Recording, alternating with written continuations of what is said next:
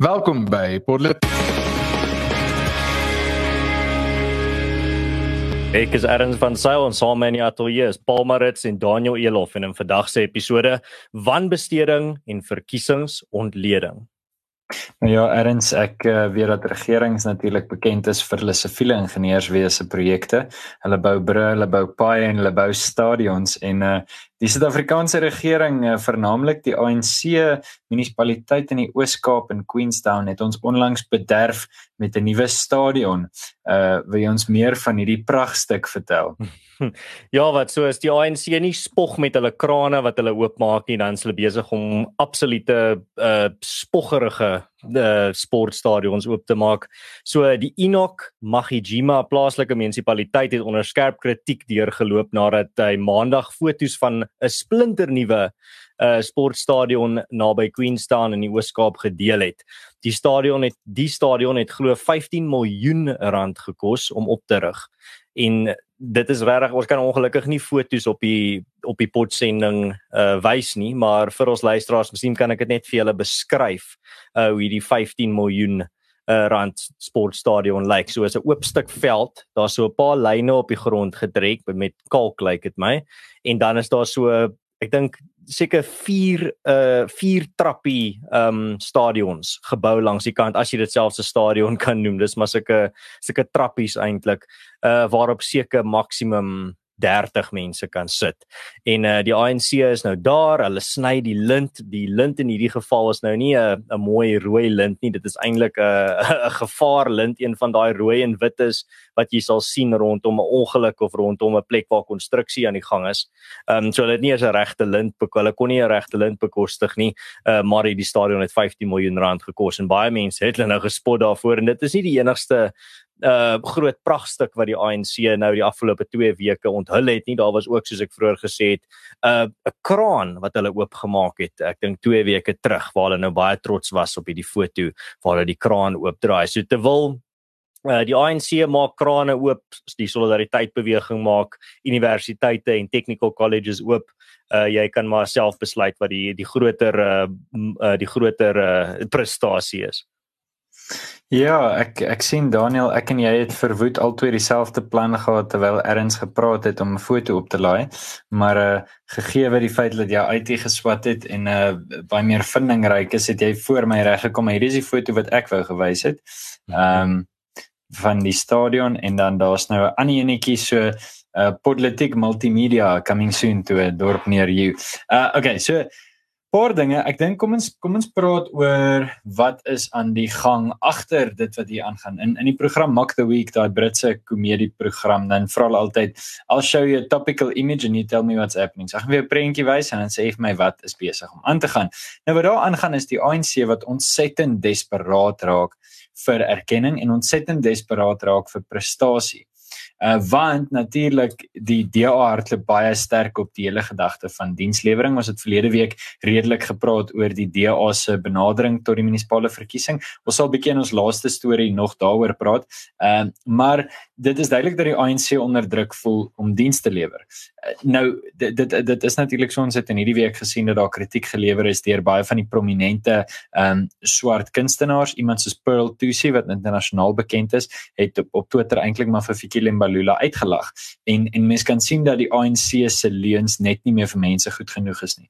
Uh, ek dink die hele verskoning van Afrika tyd en die hele ding van Tuma Mniwareni dis op pad. Ehm um, dit is dis dit raak uitgedien. En die jonger generasie voel minder verbind aan die vryheidsstryd want dalk het hulle nie self gestem nie. Onthou vir jou om te gestem het in 1994 moes jy 18 jaar oud gewees het, nê. Nee. So dit beteken dat jy vandag uh jy weet ten minste 45 of ouer is. So jy sit met 'n hele groep mense in ons land wat nie gestem het nie, wat nie op daai wonderlike, jy weet, dag gevoel het ek is nou verlos en ek is nou gered nie. Hulle voel okay, wat nou? Um, jy weet mense kan baie duidelik sien in die EFF se benadering tot die verkiesing dat hulle en is nou mens mens praat nou eh, natuurlik met 'n verkiesingsweekie op oor alle stories maar die EFF se se uh, beleid is nie land and jobs nie dis land and jobs now. Manje wat die Zulu woord is wat beteken nou. So uh, baie duidelik kan ons sien dat daar 'n dringendheid opkom en die ANC probeer daai dringendheid antwoord deur desperate spronge. En wat weet ons van desperate spronge? Dis dikwels onsuksesvol. Uh soos dit reg uitgewys het erns hier's 'n paar kalkstrepe getrek uh oor 'n oor 'n grasperk en dit is 'n stadion genoem. Die groter vraag is natuurlik waar is die res van die geld heen? Want vir 15 miljoen rand net om 'n idee te gee, jy kan 'n hokkie Astro, 'n tweedehandse hokkie Astro wat jy nou koop by universiteit of by 'n hokkieklub, kan jy daar neergesit het vir miskien 6 of 7 miljoen rand. So 'n kunsmatige turf Astro wat jy nou op sokker en hokkie sou kon speel. Ehm um, jy weet dit dit sou jy kon doen vir halfte van daai prys miskien. Jy sou 'n klein paviljoentjie en 'n snoepietjie kon insit vir 15 miljoen. So ehm um, mens moet dit realisties vergelyk met wat die privaat sektor sou kon doen met daai geld. So jy het weer eens die vraag van korrupsie uh waar is daai geld heen? En dan jy ook die die die dieper liggende vraag en dit is hoe erg moet jy jou mense beledig en hoe min moet jy dink van jou kiesers? Onthou hierdie is die Ooskaap wat wat histories 'n sterk punt vir die ANC is. Hoe min moet jy dink van jou kiesers dat jy hulle so beledig om vir hulle kinders daai geriewe neer te sit en jou eie naam en jou eie stempel daarop te sit en 'n ANC MP aan te trek en te sê kyk wat doen ons vir ons mense. Ek sal so skaam kry as ek 'n ANC lid was. Ek sal nie eens opgedaag het nie. Ek sou gesê nee, ek het niks hiermee uit te waai nie, jy weet. Die geld is gesteel en oepsie, ons het hom niks om mee uit te waai. Dis is jy weet, dis om my mens sien baie memes deesdae van dit. Maar dink jouself in jy die slegste taak in die wêreld ingegee en jy staan trots langs dit en vra vir jou juffrou om vir jou punte te gee. Dis wat die ANC hier gedoen het en dit wys desperaatheid om die module deur te kom. En die module in hierdie geval is ehm um, jy weet uiteindelik om om weer verkies te word. Nou baie mense sê op sosiale media almal gaan afval weer ANC stem of wegbly en ongelukkig is dit so, maar in 'n stadium gaan daai keerpunt kom. Uh of 'n keerpunt dat die stelsel in mekaar val of 'n keerpunt dat mense wegdraai van die ANC af. Ehm um, so ek ek dink wat ons hier sien op sommend dan vir my is desperaatheid en uh in terme van dienslewering maar net min of meer dieselfde wat ons van die ANC sien vir die afgelope 27 jaar. So dalk kan ek so klein bietjie van 'n positiewe spin op hierdie hele ding sit 'n blink kantjie bo aan die storie.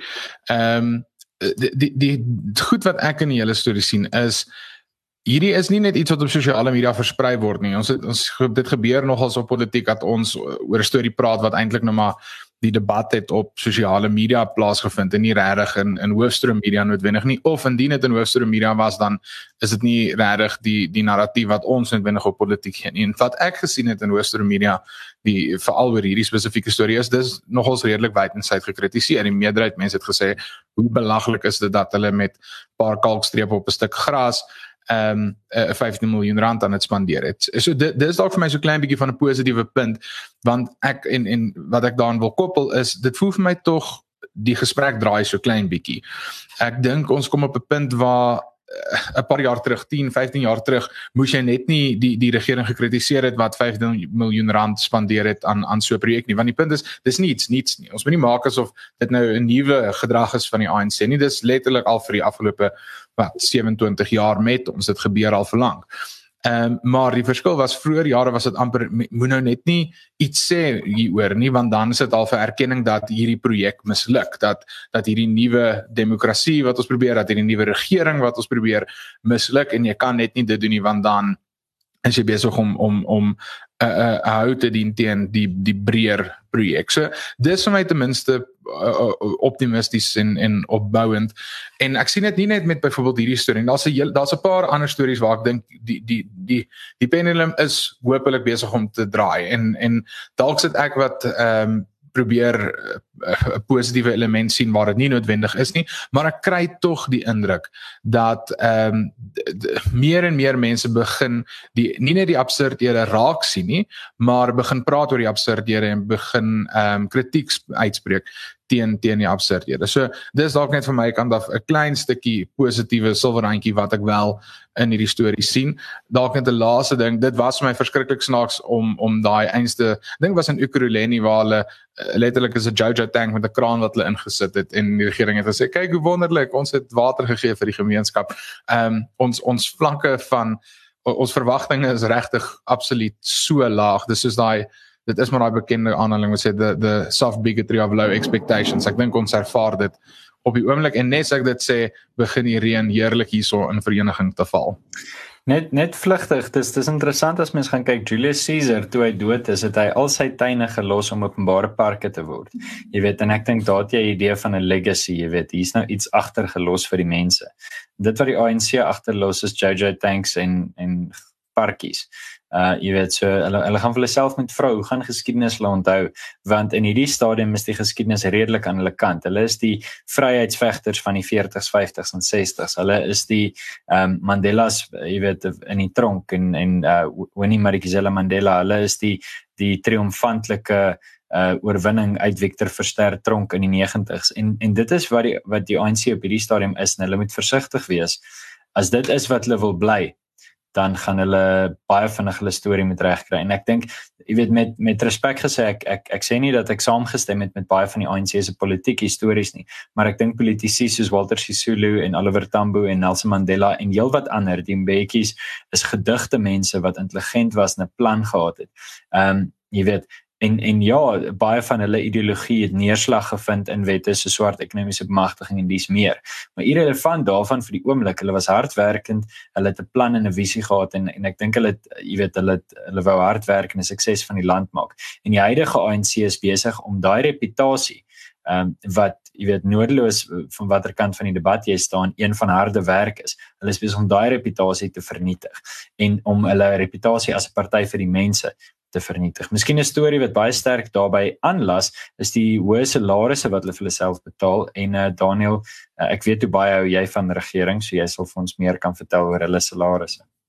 Ja, wel, uh, dis dis eintlik 'n storie wat ek te danke aan Ernst se se sosiale media se Twitter gesien het en dit is 'n berig op die Business Tech wat eintlik e-, eenvoudig gestel die volgende sê. Dit sê dat die gemiddelde regering as uh, regeringsamptenaar gaan in 2021 met ander woorde van jaar 'n gemiddeld van 37500 rand per maand verdien terwyl die gemiddelde formele sektor salaris in Suid-Afrika so om en by 23000 rand is. Met ander woorde ehm um, die die die wat ons vir regeringsamptenare betaal wat al klaar uit die aard van die saak as ek maar so kras kan sal redelik useless is van uit die staanspoor betaal hulle aansienlik meer as wat die private sektor vir hulle sou betaal en dit natuurlik alles terwyl die meerderheid van Suid-Afrikaners op minder as 1300 rand per maand leef. So dis dis ek aan die een kant het ons die wanbesteding van 15 miljoen rand wat uh, gaan spandeer word aan 'n stuk gras met bietjie kalklyne op en aan die ander kant het ons hierdie geval van ons betaal ons regeringsamptenare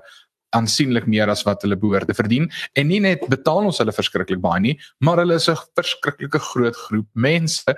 Ons het te veel regeringsbeamptenare. Uh, ek het dit al voorheen in politiek vertel van die die geval wat uh, wat wat my mevrou se werk is van 'n dokter wat permanent aangestel is maar nooit op sy uh, pos is nie. En dan is dit nie net dat hy nie op sy pos is nie hy word ongelooflik baie dan nog ook betaal om nie op sy pos te wees nie. So die die die die vrot van ons regering en die vrot van korrupsie binne die ANC gaan ongelukkig regtig regtig verskriklik diep in Suid-Afrika. Hmm. En jy moet onthou Daniel, ek kan nie onthou of dit hierdie jaar ja, dit was vroeër hierdie jaar het Cyril mos gesê dat um, ons moet verstaan dat baie staatsamptenare sukkel om enigsins uh, al hulle uh, kostes te dek met hulle baie klein salarisse wat hulle verdien. Hulle baie klein salarisse van 2 miljoen rand per maand. Ehm um, nee, wat daar's miskien wat ek hierby wil sê is die feit dat ek dink die ANC onwetend, ek ek dink nie hulle dink regtig so ver vooruit soos van wat wat ek nou volgende gaan sê betref nie maar wat hulle onwetend doen is hulle is besig om hulle eie mense net so afhanklik van die staat te maak soos wat die vorige apartheidsregering die Afrikaners afhanklik van die staat gemaak het.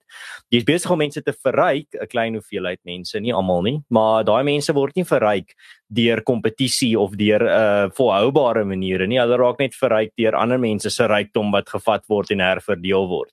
En dit is een van die goed wat ek weet Flip Buys altyd sê as hy hy sê die een van die beste goed wat ooit met die Afrikaner uh vir sy eie vryheid kon gebeur het was dat die uh, apartheid geëindig het want toe ewe skielik is ons terug in die privaat sektor en ons begin uh, meer geld as ooit van ooit tevore maak.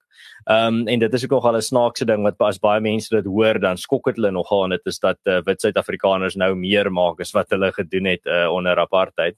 Uh, maar dit is weens die uh, die feit dat hulle nou uit die staats uh, die staatsmeganismes uitgeskop is uh, en nou geforseer is in die privaat sektor en waar daar baie meer risiko is maar ook baie meer uh, winste om gemaak te word.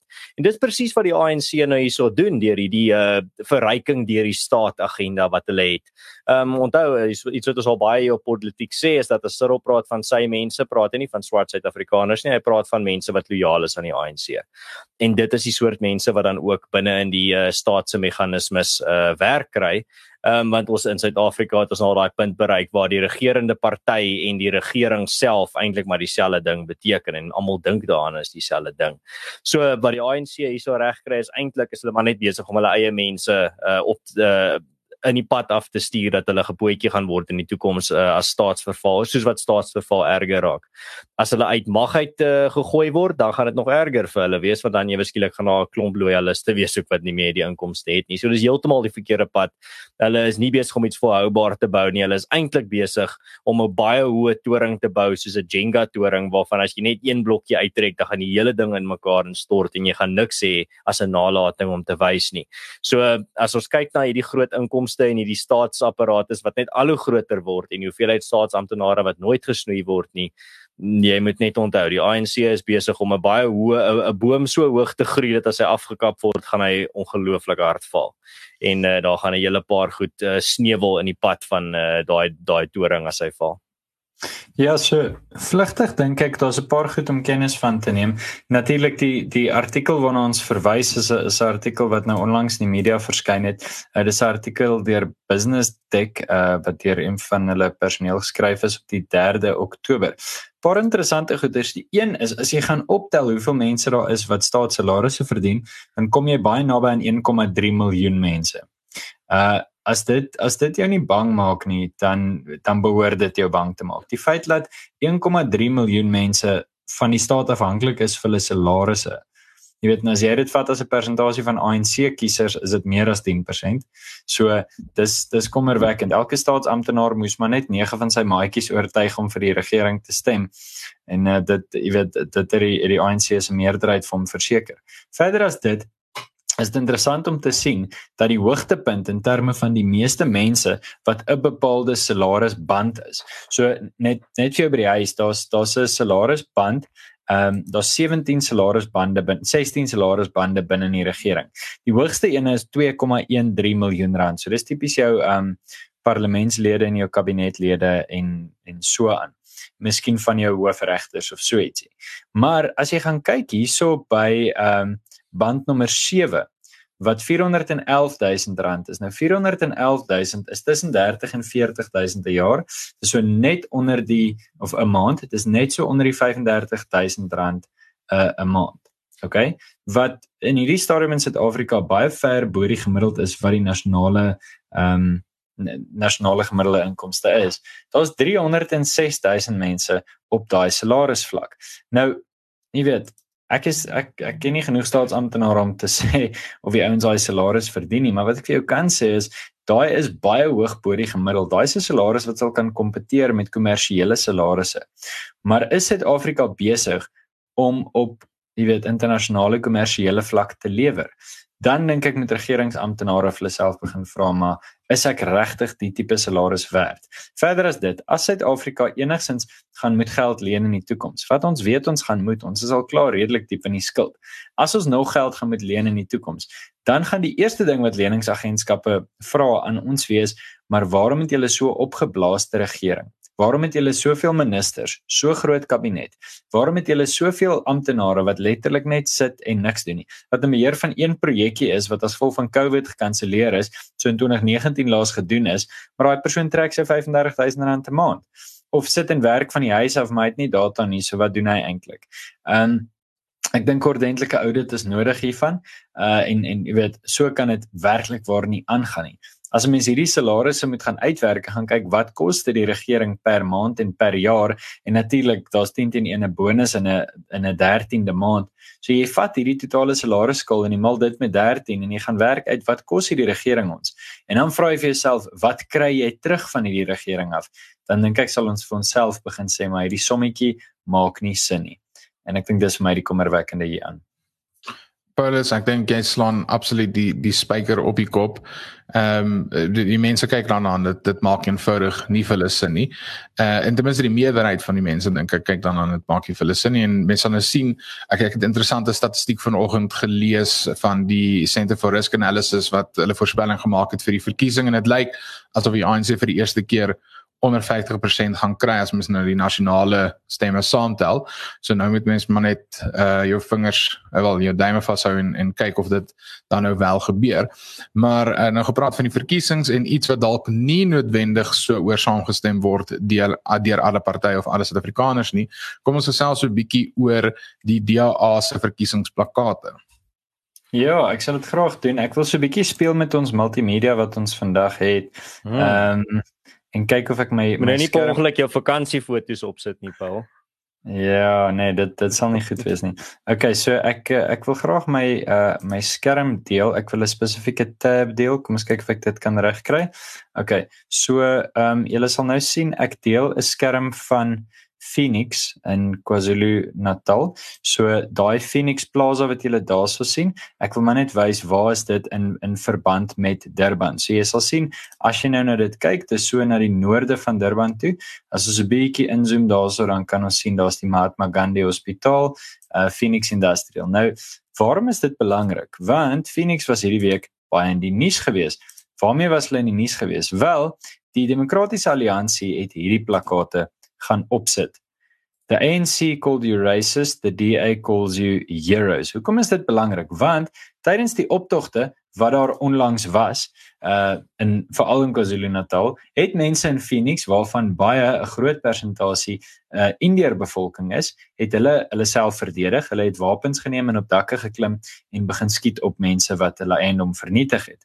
En daarvoor is hulle in baie gevalle rassiste genoem. En nou wat doen die DA hierso? Hulle sê wel Ehm um, die ANC noem julle rassiste. Ons sê dit wat julle gedoen het om julleself te verdedig, maak van julle helde. Nou soos wat julle kan dink en soos wat julle altyd sou gesien het op julle sosiale media profile, het hierdie storie absoluut opgeblaas, 'n absolute um storm in 'n spoeldam, uh maar werklik waar dan nou ook miskien 'n groter politieke storm. Die DA het nie regtig volgens wat ek kon sien planne om hierdie plakate af te haal of hulle standpunt terug te neem of jammer te sê nie. Ek dink hier en daar sal hulle konteks skep. Maar ons sien dat dit 'n baie verdelende kwessie is. Iemand soos Dawie Skols wat jy weet dikwels my voorkom as iemand wat nogals van die DA hou, het gesê dat hulle toondoof is en dat hierdie regtig nie die manier is om dinge te doen nie en dat hulle verdelend is. Die ANC het natuurlik uitgekom en gesê hierdie is baie verdelende taktik van die DA en natuurlik sal die ANC dit doen Maar dan het 'n paar kommentators, vernaamlik Jonathan Wood en Roman Cabernet wat destyds nog by Renegade Report was en nou eintlik maar net kommentators is in Roman het sy oggendprogram. Hulle het hulle het nou weer gesê wel luister jy wat die DA gedoen het maak sin. Dit is 'n manier om polities 'n punt te maak. Ehm um, Ek persoonlik voel dat 'n bietjie berigtheid net voor 'n verkiesing nie 'n slegte idee is nie. Um, ek dink byvoorbeeld van die skandale oor president Trump wat uitgekom het net voor die 2016 verkiesing om eintlik meer bekend gemaak het want mense wat onseker was is verdeel deur die kwessie en 'n klomp mense wat nie noodwendig sou gaan stem nie het besluit maar ek stem saam met hierdie ou en ek gaan hierdie jy weet ek ek gaan hierdie standpunt inneem. So ehm um, die DA steek hulle nek uit en dit kan wees dat van die inwoners van Phoenix, jy weet, kan voel maar wat hier gebeur is ten gunste van hulle en hulle hulle stem hulle stem dan nou juis vir die DA. Dit kan wees dat 'n klomp mense voel die DA is verdelend. Natuurlik vernaamlik is die DA vandag op sosiale media 'n ewige minderheidsparty genoem dat hulle juis gaan vir die minderhede en en mense kan sien nee, hulle staan op vir taal en Stellenbosch, hulle staan op vir wapenregte in KwaZulu-Natal en dit is tipies minderheidskwessies in hierdie stadium. Maar ek dink hulle hulle oorhoofse betoog en en heeltemal objektief. Ek kan eerlikwaar sê ek het ek het regtig nie ek, ek voel nie sterk oor die DA die kant toe of daai kant toe nie. Ek probeer so objektief as moontlik wees. Mens kan objektief sê dat hulle sterkste argument en hulle sterkste punt in hulle verkiesingsveld tog is dat hulle wil goeie diens lewer. Hulle wil die jy weet hulle wil regtig goeie munisipaliteite bestuur en die top 5 munisipaliteite in Suid-Afrika is DA munisipaliteite. Ek het verlede week nie geweet waar is die Drakensberg munisipaliteit nie, maar dis die Parel. So ehm um, jy weet Stellenbosch en die Parel is die twee beste munisipaliteite in die land en dis DA munisipaliteite. So uiteindelik is dit 'n argument vir die DA. So ehm um, ja, ek dink ek ek het 'n redelike spesifieke konteks gegee en vir 'n bietjie gesê wat in die media aangaan. Miskien kan julle so 'n bietjie op hom spring en vir ons sê uh, wat julle dink. Ja, wat Paul, uh, ek wil net eers dan sê ek dink ek het geen probleem met die plakate nie. Ek dink is eintlik baie goed. Ek het ek, ek dink eintlik uh, die DA het daar's geen rede vir hulle om dit afdaal nie.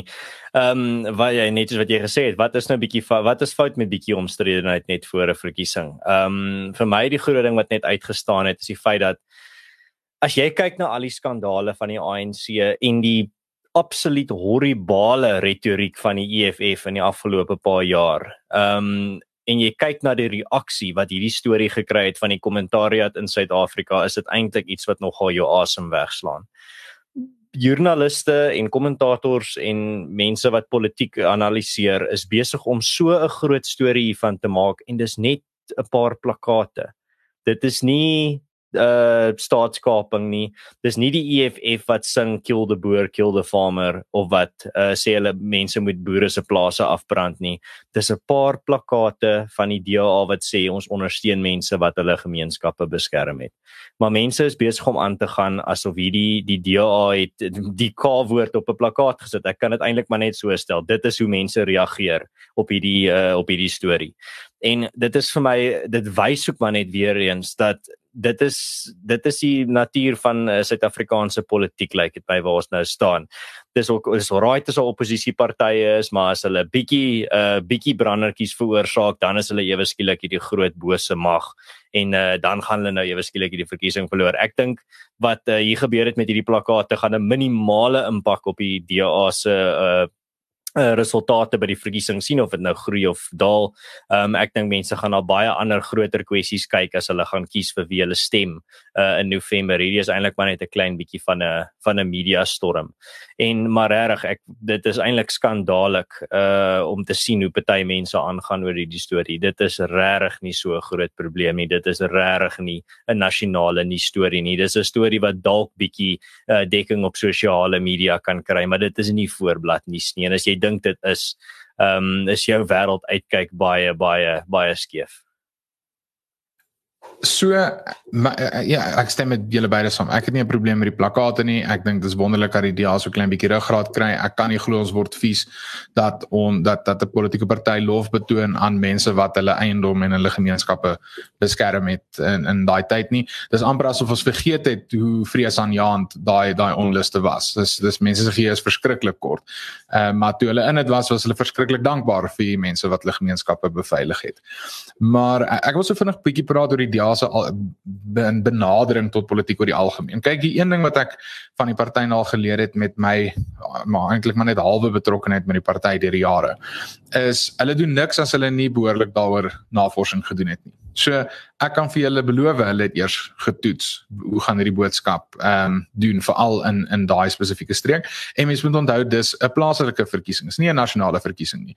So waarskynlik het hulle redelike ingeligte besluit geneem op ten minste op daai front. Nou dis ook deel van die DA se grootste probleem, is ek dink dat hulle so absoluut 'n uh, 'n uh, uh, hulle, hulle neem al hulle besluite net aan die hand van wat hulle navorsing en hulle data sê.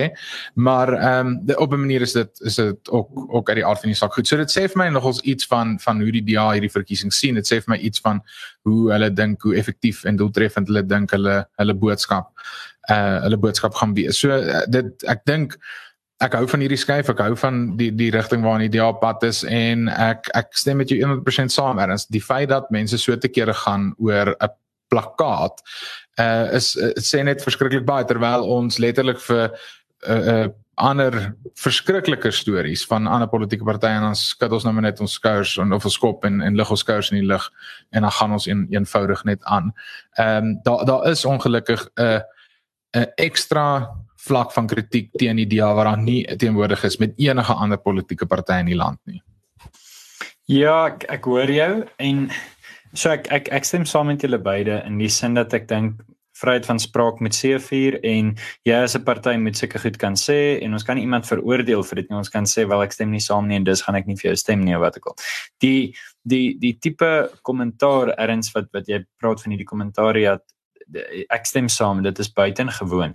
Maar waar ek nie met julle saamstem nie is ek dink die rede daarvoor is van die DA het 'n bepaalde beeld. As Julius Malema uitkom en die mees verskriklike goed sê, soos jy weet gaan terug Europa toe of seker goeders wat hy gereeld doen, dan verwag ons dit van hom.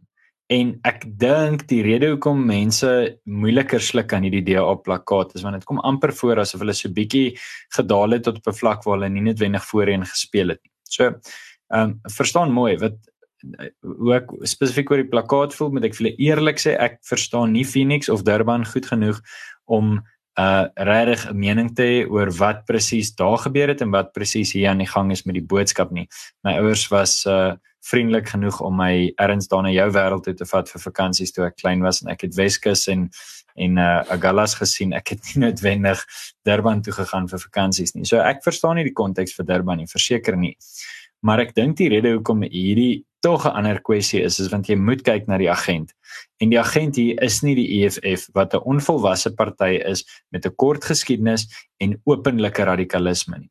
Wat ons hier baie meer spesifiek sien is 'n is 'n DA wat so bietjie na Musi Maimani probeer om weer sy ou wortels terug te kry. Sy Tony Leon tipe van 'n demokratiese party PFP tipe ons is die volwassenes hierso ons is die mense wat die groot mense gaan wees in die gesprek. En wat hulle gedoen het is om nie dit te wees nie. Soos ek nou-nou gesê het ek dink dit was slim want ek dink hulle het 'n bietjie verdeeldheid gekweek en dis nodig. As jy nie vir enigiets staan nie hoe gaan mense weet waarvoor stem hulle?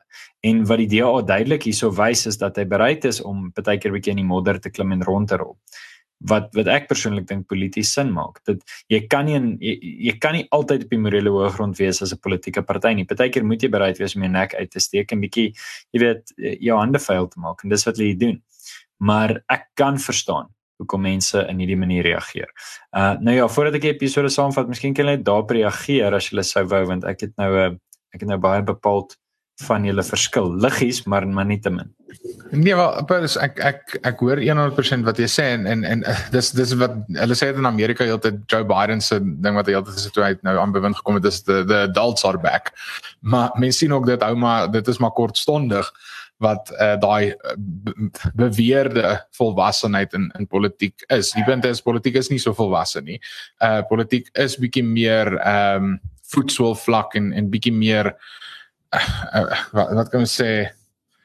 Primal is die die die Engelse woord as as wat ons wil voorgee en, en wat ek juist al van nou is hierdie is 'n skuif van deur die DA weg van ek wil amper sê die westerse konsep van politiek doen van kom ons ons net behoorlik jy weet die fyn lyn loop en ons moet nie op tone trap nie en ons moet almal probeer gelukkig hou en die punt van politiek is jy gaan 'n stel mense ongelukkig maak dis die aard van politiek. As mense wat nie van jou gaan hou nie en jy gaan hulle kwaad maak, maar jy's nie besig om te vry na hulle stemme nie, jy's besig om te vry na iemand anders se stemme. En jy kan nie 'n party vir almal wees nie. Ehm um, maar wat jy kan doen is jy kan 'n party vir baie bepaalde spesifieke groep mense wees en jy kan hulle steun behou. En ek dink die les wat die DA geleer het uit die laaste 4, 5 jaar is hulle het probeer om 'n party vir te veel mense te wees en hulle is nou weer besig om terug te keer na 'n party wat hulle dink hulle groep mense is wat hulle kan. Die mense wat dalk bietjie meer gematig is nie noodwendig konservatief uh, uh, nie maar net die mense wat meer omgee oor hulle straatlig en die slaggat in hulle straat as wat hulle omgee oor die party se beleid oor kritiese rasteorie of of wat ook al Hmm. Nee wat Daniel, dis presies wat ek ook wou gesê het, maar net om daarby by te las, uh, as jou opponente die EFF en die ANC is, moet jou party bietjie buite. Jy kan nie net die ordentlike ou wees met die wat die das dra en netjies is en sy hare is mooi gekam nie. Uh jy's in Afrika, boetie, en jy gaan moet begin om Afrika politiek te speel as jy enigstens 'n kans wil staan. Um die mense wat regtig so vir jou stof opskop oor hierdie storie is in elk geval mense, 99% van hulle sou in elk geval nooit in hulle lewens vir die DA oorweeg het om vir hulle te stem nie wat ek dink belangrik is vir die DA in hierdie verkiesing is hulle moet eerstens die mense wat hulle verloor het in die vorige verkiesing met hulle terugwen uh en tweedens die mense wat vir wat oorweeg om dalk vir hulle te stem in hierdie verkiesing moet hulle bykry. En ek dink nie hierdie uh, standpunt van hulle gaan enigstens daai twee uh, groepe uh, benadeel of daai twee groepe wegjaag nie. Ehm um, en dit is wat die DA moet doen. Hulle is in 'n herstelfase weens van hulle uh, vorige foute in die verlede. Hulle is nie tans in 'n fase waar hulle soos in 'n Premierliga vorm is van 4 wenne na mekaar nie. Hulle is tans in in die vorm van een verloor, een gelyk op speel en dalk een wen. So hulle moet nou 'n paar wenne aan die gang kry net om weer bietjie goeie vorm te kry. En hierdie dink ek is 'n is 'n voorbeeld van goeie vorm. Ek wil hê dat die oppositiepartye in Suid-Afrika moet byt. Ek wil hê hulle moet ek bedoel hierdie was nie eens vir my kontroversieel genoeg nie. Ek sou wil hê dat die DA moet baie meer uh van 'n byt kry want hulle is besig om teen 'n party te gaan wat absoluut boos en immoreel is en ek dink so 'n party verdien om gehanteer te word met bietjie uh bietjie straatgevegreëls eerder as om hulle uh ordentlik te hanteer. Uh jy hanteer nie 'n 'n dief ordentlik nie, maar dit is maar my eie uitkyk op politiek. So ons dit gaan interessant wees om te sien uh, wat op 1 November gebeur en ek dink ons almal sien baie uit hier by Politiek om vir julle analise te bring oor die verkiesing en die resultate daarvan. Nou ja, soos oop lamppale in Phoenix is hierdie episode ook vir eers iets van die verlede. As jy hou van wat ons doen, kan jy klik op die subscribe knoppie. Ons is baie naby aan 1000 en ons wil van nou as jy ons daar kan uitkry en op YouTube kan jy ook die klokkie knik, uh, klik sodat jy kan weet wanneer ons regstreeks uitsaai. Ons weet dat by verre die meeste mense politiek eers 'n bietjie later luister. As jy wil regstreeks luister, ons is Woensdae aande om 5:00 hierso op Facebook en op YouTube. Ons is natuurlik ook na die tyd beskikbaar op al jou gunsteling stroom platforms, uh, as ook op Marula Media waar daar 'n pittige artikel is wat ek gewoonlik na die episode skryf met droë grappies wat net ek en baie keer Daniel en Erns dink snaaks is. Nou ja, ondersteun politiek gerus as jou besigheid hier by ons wil bemark, dit help ons om net ons uh, kostes te dek en vir jou goeie klank te bring. So as jy 'n besigheidseienaar is en ons kan jou 'n bietjie help om meer kliënte te te bereik, doen ons dit graag. En jy is welkom vir ons resensie te los. Ons lees dit en uh, ons pas regtig ons inhoud aan volgens dit wat jy wil hê.